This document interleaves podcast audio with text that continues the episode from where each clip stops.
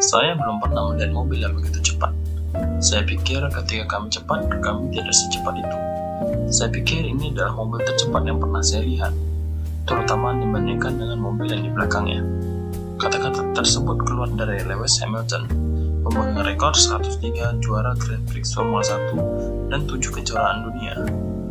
Ia mengatakannya pada minggu lalu bahwa ia belum pernah melihat mobil secepat Red Bull yang dibawa oleh Max Verstappen.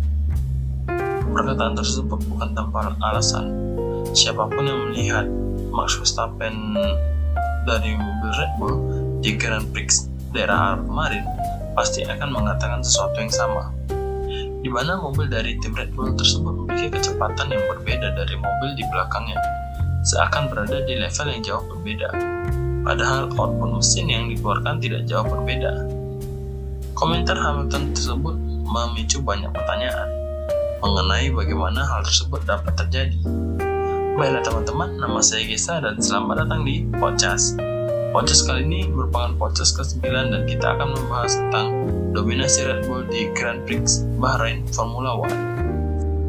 Sebelum kita lanjut lebih dalam, kita kasih tahu dulu apa itu Formula One.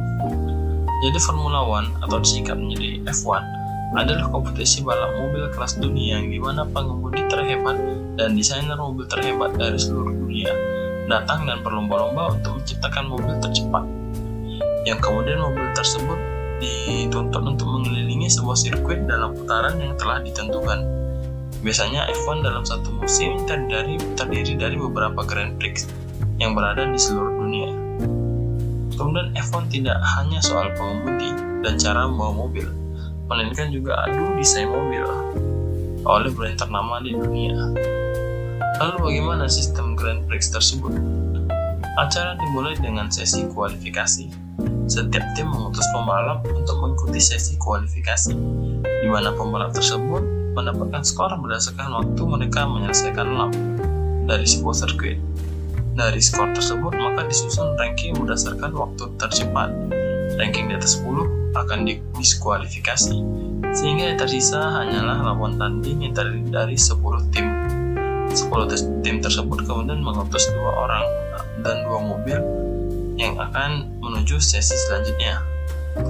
Sesi selanjutnya adalah sesi acara yang sebenarnya.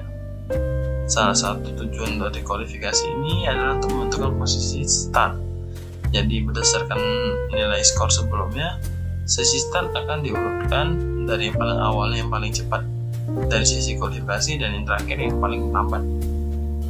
Yang kemudian di hari inilah baru perlombaan sebenarnya pembalap bisa bersaing satu sama lain. Nah, bagaimana tentang Red Bull tadi? Red Bull dengan mudah menempuh kecepatan ketika berada di jalur lurus. Hal tersebut jelas terlihat di kamera dan bahkan mendapatkan pujian dari juara dunia Lewis Hamilton. Lalu di mana rahasia tersebut? Rahasia tersebut terletak pada modifikasi aerodinamika mobil Red Bull. Red Bull mensetel mobil berdasarkan bentuk sirkuit yang akan digunakan. Lebih tepatnya lagi pada bagian yang membuat mobil F1 melesat di jalur lurus terbuka, yaitu DRS. Apa itu DRS? DRS adalah Drag Reduction System. Sederhananya adalah bagian sayap belakang yang dapat dibuka ketika daerah uh, kosong yang akan membantunya melaju dengan pesat. Nah, yang kemudian di mana Red Bull itu dia benar-benar mengoptimalkan sayap belakang tersebut supaya mereka dapat melaju lebih pesat dibandingkan mobil lain ketika DRS tersebut dibuka.